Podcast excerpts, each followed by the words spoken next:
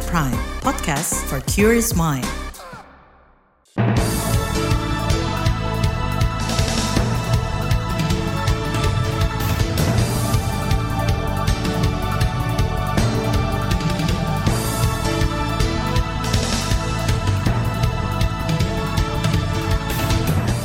Selamat pagi saudara, senang sekali kami bisa menjumpai Anda melalui program Buletin Pagi edisi Senin 3 April 2023 bersama saya Naomi Liandra. Sejumlah informasi pilihan telah kami siapkan di antaranya, pemerintah diminta mengawasi dan menegakkan sanksi perusahaan tak bayar THR. Sidang perdana pencemaran nama baik Luhut Panjaitan digelar hari ini. Pasca ledakan kilang minyak di Dumai, DPR tuntut bos Pertamina mundur. Inilah Buletin Pagi selengkapnya terbaru di Buletin Pagi. Saudara kalangan parlemen mengingatkan pemerintah melalui Dinas Tenaga Kerja di daerah melakukan pengawasan terkait aturan pemberian tunjangan hari raya THR, termasuk pemberian sanksi tegas bagi perusahaan yang tidak membayar THR. Anggota Komisi Bidang Ketenaga Kerjaan DPR Rahmat Handoyo mengatakan pemerintah harus memastikan pekerja mendapatkan THR secara penuh dan dibayarkan paling lambat H-7 sebelum lebaran. Ya, saya kira kalau ada aturan tidak ada fungsi kontrol tentu jalannya juga akan uh, tidak lempeng gitu loh, tidak tegak lurus terhadap aturan itu. Nah sekarang tinggal uh, dinas-dinas terkait dalam hal tenaga kerja untuk uh, menegakkan aturan ini gitu loh. Kalau tidak saya kira ini ada sanksi ya baik dari peringatan, kemudian administrasi, peringatan tertulis, sudah tertulis, peringatan tertulis, sampai pada akhirnya juga penghentian usaha loh. Anggota Komisi Bidang Ketenaga Kerjaan DPR Rahmat Handoyo juga mengapresiasi pemerintah yang telah mengeluarkan aturan pembayaran THR. Rahmat berharap pengusaha bisa menegakkan aturan itu. Pekan lalu, Menteri Ketenaga Kerjaan Ida Fauziah mengeluarkan surat edaran terkait pembayaran tunjangan hari raya bagi para pekerja. Melalui edaran itu, Menteri Ketenaga Kerjaan mengingatkan perusahaan agar pembayaran THR pekerja tidak dicicil dan dibayarkan paling lambat tujuh hari sebelum Hari Raya Keagamaan. Ida mengancam akan memberi sanksi pada perusahaan yang tidak memberi THR maksimal H-7 Lebaran. Kemarin saya sudah sampaikan juga, saya berharap meskipun ketentuannya itu H-7, saya berharap perusahaan-perusahaan untuk bisa membayar lebih cepat dari ketentuan itu itu. Kemudian terkait dengan sanksi, jelas ada sanksi bagi perusahaan-perusahaan yang tidak membayar ataupun perusahaan membayar dengan cara yang tidak sekaligus atau mencicil. Itu ada sanksinya, baik sanksi administrasi maupun pemberhentian sementara operasional perusahaan. Menteri Ketenagakerjaan Ida Fauzia meminta para kepala daerah ikut menginformasikan ketentuan pemberian THR kepada perusahaan. Sementara itu, Asosiasi Pengusaha Indonesia APindo juga mengingatkan pemerintah agar mengawasi perusahaan terkait pemberian THR. Ketua Bidang Ketenagakerjaan APindo, Anton J. Supit, mengatakan ada perusahaan yang tidak mampu memberikan THR dan ada pula yang membandel. Ini pada dasarnya karena ini normatif, jadi kewajiban masing-masing perusahaan. Jadi sebenarnya tanpa perlu diingatkan ya, namanya kan kewajiban. Ya seperti dengan gaji ya. Gaji kan tidak usah diingatkan harus dibayar kan. Nah tinggal masalahnya ya lantas kalau tidak berjalan itu ya artinya pengawasan. Dan pengawasan ini pemerintah Ketua Bidang Ketenagakerjaan Asosiasi Pengusaha Indonesia APindo Anton C. Supit juga menghimbau perusahaan yang mengalami kesulitan melapor ke pemerintah agar diberikan keringanan terkait dana THR 2023. Apindo juga menghimbau seluruh perusahaan patuh memberikan THR kepada seluruh pegawainya agar hak pegawai terpenuhi. Sementara itu, Federasi Serikat Buruh Persatuan Indonesia FSBPI menilai pemerintah perlu lebih serius menindak pelanggaran pemberian THR agar tidak berulang. Ketua Umum FSBPI, Dian Septi Trisnanti, menyebut berdasarkan peraturan pemerintah dan peraturan Menteri Ketenagakerjaan, sanksi yang diberikan mulai dari teguran tertulis, pembatasan kegiatan usaha, penghentian sementara sebagian atau seluruh alat produksi, hingga pembekuan kegiatan usaha. Laporan pengaduan ke Posko THR Kementerian Ketenagakerjaan yang terus meningkat. Nah, tahun lalu misalkan itu mencapai 2.114 laporan, tapi penyelesaian pelanggaran tersebut tuh nggak jelas. Aku tidak melihat adanya sanksi sampai ke pembekuan kegiatan usaha ya, atau penghentian sementara. Karena yang terjadi justru sebaliknya gitu. Kayak misalnya administrasi itu juga teguran itu tidak cukup memberikan efek jerah. Ketua Umum FSBPI Dian Septi Trisnanti menilai pelanggaran yang terus berulang tanpa adanya efek jera, menandakan komitmen pengawas ketenaga kerjaan lemah menegakkan hukum. Dian Septi juga menyinggung adanya pernyataan dari Kamar Dagang dan Industri Kadin yang keberatan jika THR dibayarkan lebih awal jika mempengaruhi kas perusahaan. FSBPI akan membuka posko terkait pengaduan THR tahun ini. Presiden Joko Widodo mengaku pusing mengurus sepak bola. Informasi selengkapnya akan kami hadirkan sesaat lagi. Tetaplah di Buletin Pagi KBR. You're listening to KBR Pride, podcast for curious mind. Enjoy!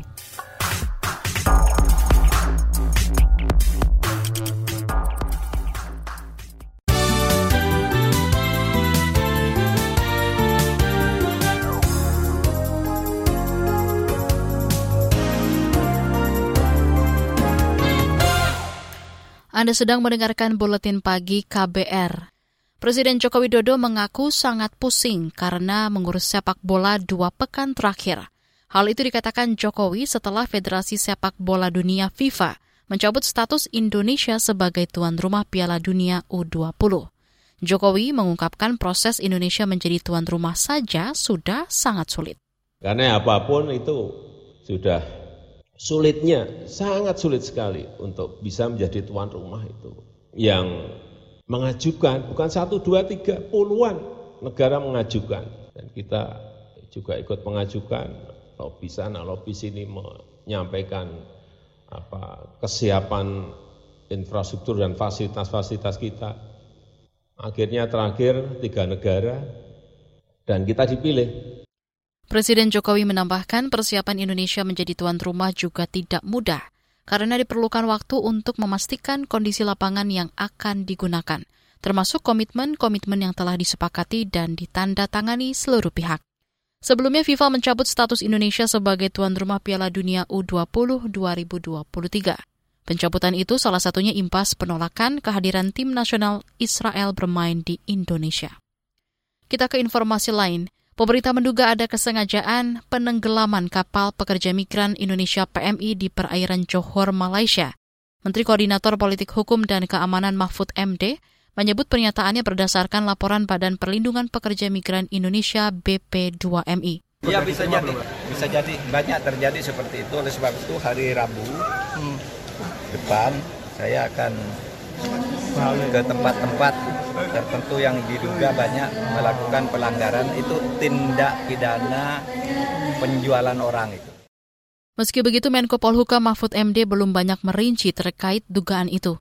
Ia juga menyebut banyak modus dari tindak pidana perdagangan orang TPPO yang terungkap akhir-akhir ini.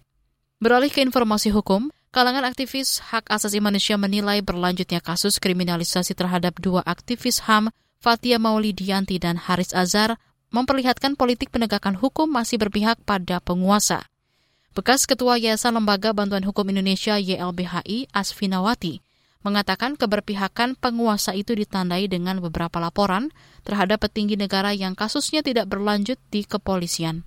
Salah satunya laporan aktivis terhadap Menko Maritim dan Investasi Luhut Binsar Panjaitan terkait bisnis PCR pada 2021. Ketika Fatia dan Haris dilaporkan ke kepolisian dan hal tersebut berlanjut, itu bukan hal yang biasa. Dan karena itu, bagaimana politik penegakan hukum Indonesia? Politik penegakan, penegakan hukum Indonesia sudah jelas. Kalau dia pejabat, kecenderungan besar dia tidak akan dijalankan kasusnya. Bahkan bukan itu saja, mau melaporkannya pun sudah dihalang-halangi oleh kepolisian. Sulit sekali Bekas Ketua YLBHI Asminawati melanjutkan keberpihakan penegak hukum kepada penguasa juga ditandai dengan sulitnya mendapatkan surat tanda penerimaan laporan balik Luhut oleh Haris Fatia. Saudara, hari ini Pengadilan Negeri Jakarta Pusat rencananya menggelar sidang perdana terhadap Haris Azhar dan Fatia Maulidianti dengan agenda pembacaan dakwaan. Haris dan Fatia dilaporkan oleh Menko Maritim Luhut Panjaitan atas tuduhan pencemaran nama baik. Kita ke informasi ekonomi. Kementerian Perdagangan akan menyita barang dagangan dari pedagang yang memainkan harga tak wajar. Menteri Perdagangan Zulkifli Hasan meminta timnya melakukan patroli harga agar kenaikan harga saat Ramadan masih dalam batas wajar. Zulkifli menegaskan bakal memberi sanksi bagi pedagang yang bandel dan memainkan harga. Nah memang saya lihat di pasar harga sudah mulai naik, tetapi stok cukup, ya naiknya masih masih terkendali. Oleh karena itu kita minta betul para pengusaha, pedagang, jangan main-main ini. Naik sih oke, okay, ya. Tapi kalau berlebihan, awas. Kita ada satgas. Nah, kita ada satgas, langsung diplang, barangnya diambil, ya. Nah, jadi jangan main-main. Ini bulan puasa. Menteri Perdagangan Zulkifli Hasan juga meminta pedagang tidak menimbun dagangan agar tidak menyebabkan kelangkaan barang di pasar. Beralih ke berita mancanegara, puluhan orang tewas akibat badai yang melanda sejumlah kawasan di Amerika Serikat akhir pekan lalu. Sedikitnya 29 orang tewas setelah badai menyapu kawasan Amerika bagian selatan dan barat tengah. Dikutip dari Reuters, badai antara lain melanda salah satu negara bagian terpadat di Amerika, Tennessee. Badai juga dilaporkan terjadi di Arkansas, Illinois, Indiana, hingga Alabama. Selain menewaskan banyak korban, badai dan tornado juga menghancurkan banyak bangunan rumah warga dan gedung publik. Beralih ke berita olahraga, klub sepak bola Inggris Chelsea memecat pelatih Graham Potter setelah serangkaian hasil buruk di Liga Inggris. Pemecatan dilakukan setelah pada Sabtu lalu Chelsea ditekuk Aston Villa dengan skor 2-0. Hasil itu membuat klub London itu keluar dari 10 besar klasemen Liga Inggris. Chelsea menunjuk Bruno Sotor sebagai pelatih sementara Chelsea.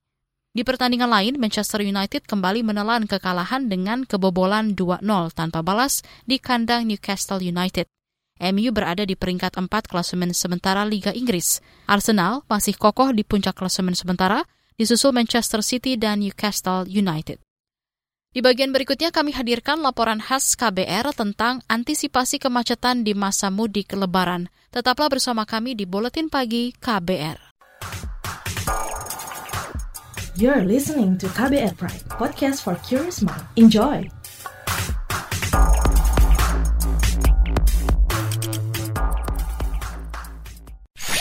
Commercial break. Commercial break. Sekarang kamu nggak bakal ketinggalan berita lagi. Lewat podcast, kamu bisa kembali menyimak apa yang sudah lewat serta obrolan seru di balik sebuah peristiwa. Gak perlu repot download aplikasi lagi. Ketik aja kbrprime.id di browser ponsel pintar kamu dan simak beragam podcast di KBR Prime. Mulai rangkuman berita hingga cerita. KBR Trending, Ruang Publik, Love Buzz, Disko, Diskusi Psikologi, Parbada, Ngulas Film, Lika-Liku Mancanegara, Cek Fakta, dan masih banyak lagi. Jadi waktu pas saya mau bunuh diri itu halusinasi saya bilang mati aja buruan sampah katanya mau mati. Teman-teman juga ada pada tahu sih I'm gay. Tapi mereka fine-fine aja sih selama kita baik mereka welcome kok. KBR Prime menemani aktivitas harianmu yang padat dengan beragam informasi dan obrolan seru. Kapan saja dan di mana saja. Temukan juga podcast KBR Prime di aplikasi podcast lainnya. KBR Prime, cara asik mendengar berita. KBR Prime, podcast for curious mind.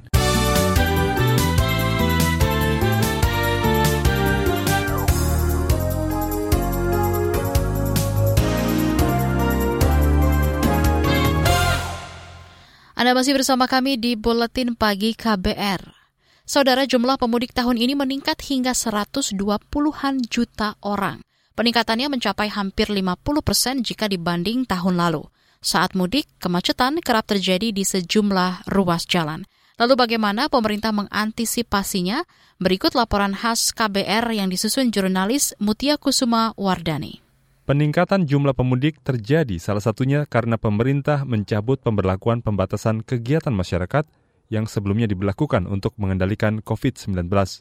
Kenaikannya mencapai 47 persen yakni dari 85 juta pada 2022 naik menjadi 123 juta pada tahun ini. Menteri Perhubungan Budi Karya Sumadi mengatakan dari jumlah itu, 22 persen pemudik akan menggunakan mobil pribadi, sedangkan 20 persen lainnya memakai sepeda motor. Mereka mudik itu paling banyak dari Jawa Timur, tetapi tujuan paling banyak itu Jawa Tengah. Nah oleh karenanya memang jalur Cipali adalah satu titik yang paling tinggi tingkat kemacetannya dan kita harus menggunakan rekayasa lalu lintas yang intensif. Kemenhub akan bekerja sama dengan Korps Lalu Lintas Korlantas Polri dan Jasa Marga untuk mengatasi kemacetan saat arus mudik lebaran. semisal dengan rekayasa lalu lintas di Jalan Tol Cikopo Palimanan Cipali, serta peningkatan area peristirahatan. Pemerintah juga memperlebar jalan arteri yang sempit untuk meningkatkan efektivitas pantura. Strategi lain yang dilakukan ialah mengubah hari libur dan cuti bersama 2023. Kesepakatan tersebut tertuang dalam surat keputusan bersama SKB 3 Menteri tentang Hari Libur Nasional dan Cuti Bersama tahun 2023. Menteri Koordinator PMK Muhajir Effendi menjelaskan, semula cuti bersama Idul Fitri ditetapkan empat hari, yakni pada 21, 24, dan 26 April 2023 namun kemudian diubah dan ditambah satu hari menjadi 19 hingga 25 April 2023. Pertimbangan menggeser tanggal cuti bersama dan menambah satu hari ini adalah untuk memberi kesempatan kepada masyarakat untuk mengambil cuti lebih awal sehingga dapat menghindarkan dari penumpukan massa pada puncak mudik. Berdasarkan survei yang dilakukan Korlantas sejak Januari hingga Februari 2023, ada sejumlah kekurangan yang masih ditemukan di sepanjang jalur arteri pantai utara maupun pantai selatan. Dirgakum Korlantas Polri, Aan Suhanan menjelaskan soal temuan survei tersebut. Kemudian beberapa jalan juga ada penyepitan untuk lampu penerangan dan sebagainya ini belum kita rekomendasikan. Kemudian di Pantura sendiri masih ada beberapa pekerjaan proyek jalan maupun jembatan yang belum selesai dan yang tidak akan selesai sampai lebaran nanti. Itu ada satu jembatan di daerah Brebes di Pamali, jembatan Pamali. Ini juga kita sudah antisipasi karena nanti bisa difungsionalkan untuk jembatan tersebut, namun belum maksimal. Dirgakum Korlantas Polri Aan Suhanan memprediksi lebih 50 persen kendaraan pemudik akan melakukan mobilitas melalui jalur tol. Itu sebab ia meminta pengelola jalan tol mempersiapkan infrastruktur untuk mengantisipasi lonjakan pemudik. Kalangan wakil rakyat turut menyoroti kesiapan pemerintah dalam mengatasi kemacetan saat lebaran. Anggota Komisi Perhubungan DPR, Torik Hidayat, mengingatkan pemerintah untuk meningkatkan upaya antisipasi kemacetan panjang di sejumlah titik ruas jalan tol yang rawan. Panjang jalan tol yang sudah di yang sudah beroperasi itu hampir 3.000 km kan, 2.627,51 km. Tapi capaian tersebut ternyata sampai saat ini masih menyisakan di banyak titik kemacetan-kemacetan. Ini dalam kondisi biasa. Apalagi di Nataru atau sebentar lagi kita menghadapi Lebaran. Ini usulan saja untuk beberapa titik. Yang pertama, tol arah Cikampek kilometer 40 sampai kilometer 56. Ini mengalami pelambatan yang sudah rutin. Itu. Namun, hasil analisis pengamat transportasi menyebut pembangunan jalan tol dan area peristirahatan tidak dirancang untuk situasi lonjakan volume kendaraan seperti saat mudik lebaran. Karena itu, menurut Wakil Ketua Bidang Pemberdayaan dan Penguatan Kewilayahan Masyarakat Transportasi Indonesia, MTI, Joko Setiowarno, perlu pengaturan yang matang dan mengutamakan keselamatan dalam mengatasi kemacetan pemudik pada saat dia menggunakan kendaraan sehingga dia punya pilihan kapan saatnya dia menggunakan jalan non arteri atau non tol. Nah jalan-jalan arteri ini memang uh, hambatannya dengan sepeda motor. Ini mungkin kurang disukai oleh mudik tapi apa pun. Tapi jalan-jalan arteri entah itu nasional provinsi dia harus menyediakan kelengkapan rambu-rambu beserta lampu penerangan jalan pada saat malam hari. Pengamat transportasi Joko Setiowarno meminta pemerintah pusat dan daerah berkoordinasi mengantisipasi kelelahan pemudik. Joko juga merekomendasikan pemudik memanfaatkan jalur-jalur alternatif untuk menghindari kemacetan panjang di ruas jalan tol. Demikian laporan khas KBR yang disusun Mutia Kusumawardani. Saya Sindu Darmawan. Informasi dari berbagai daerah akan hadir usai jeda. Tetaplah bersama Buletin Pagi KBR. You're listening to KBR Pride, podcast for curious mind. Enjoy!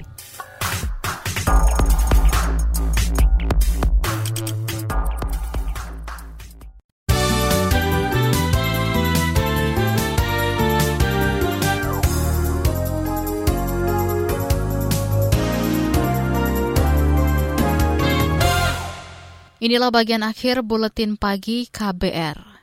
Saudara, kalangan parlemen meminta Komisaris Utama dan Direktur Utama PT Pertamina agar legowo mundur dari jabatannya usai serentetan peristiwa ledakan dan kebakaran kilang minyak Pertamina. Pernyataan itu disampaikan anggota komisi yang membidangi energi DPR Mulyanto. Sabtu pekan lalu, ledakan dan kebakaran kembali terjadi di kilang minyak Pertamina. Peristiwa kali ini terjadi di Dumai, Pekanbaru, Riau. Ini luar biasa menurut saya. Karenanya ini dirut dan komut Pertamina harus bertanggung jawab.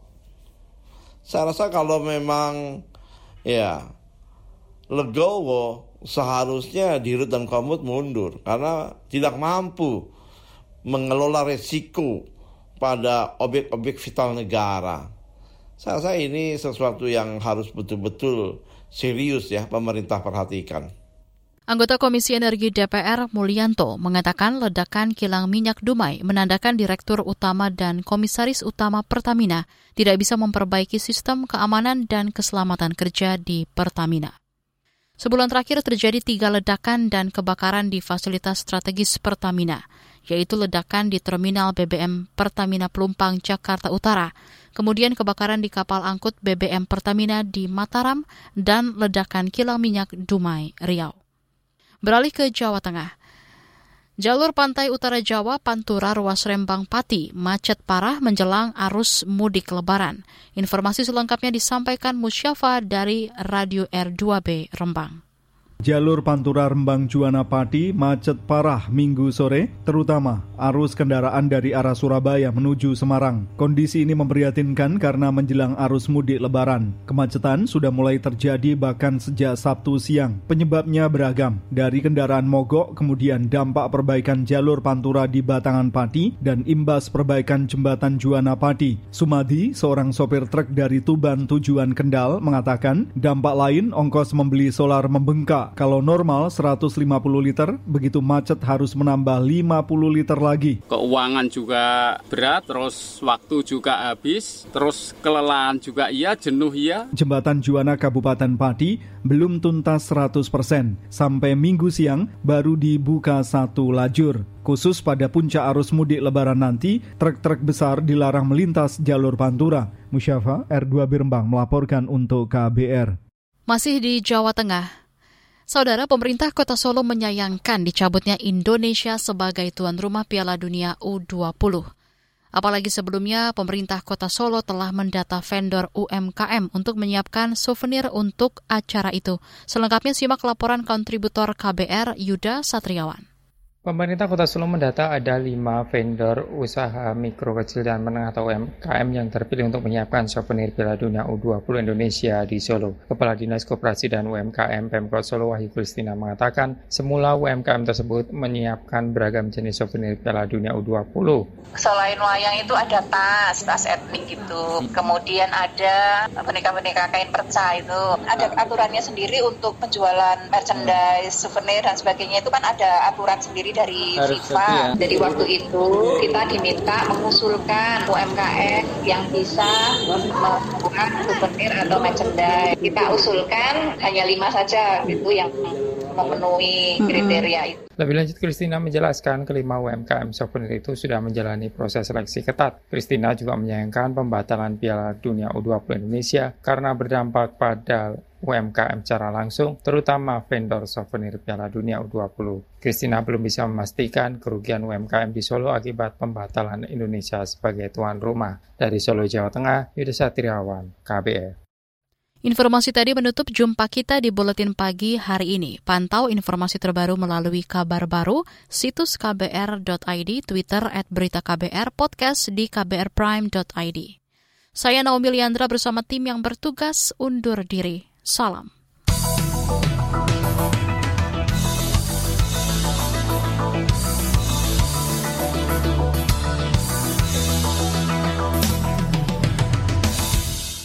KBR Prime, cara asik mendengar berita. KBR Prime, podcast for curious mind.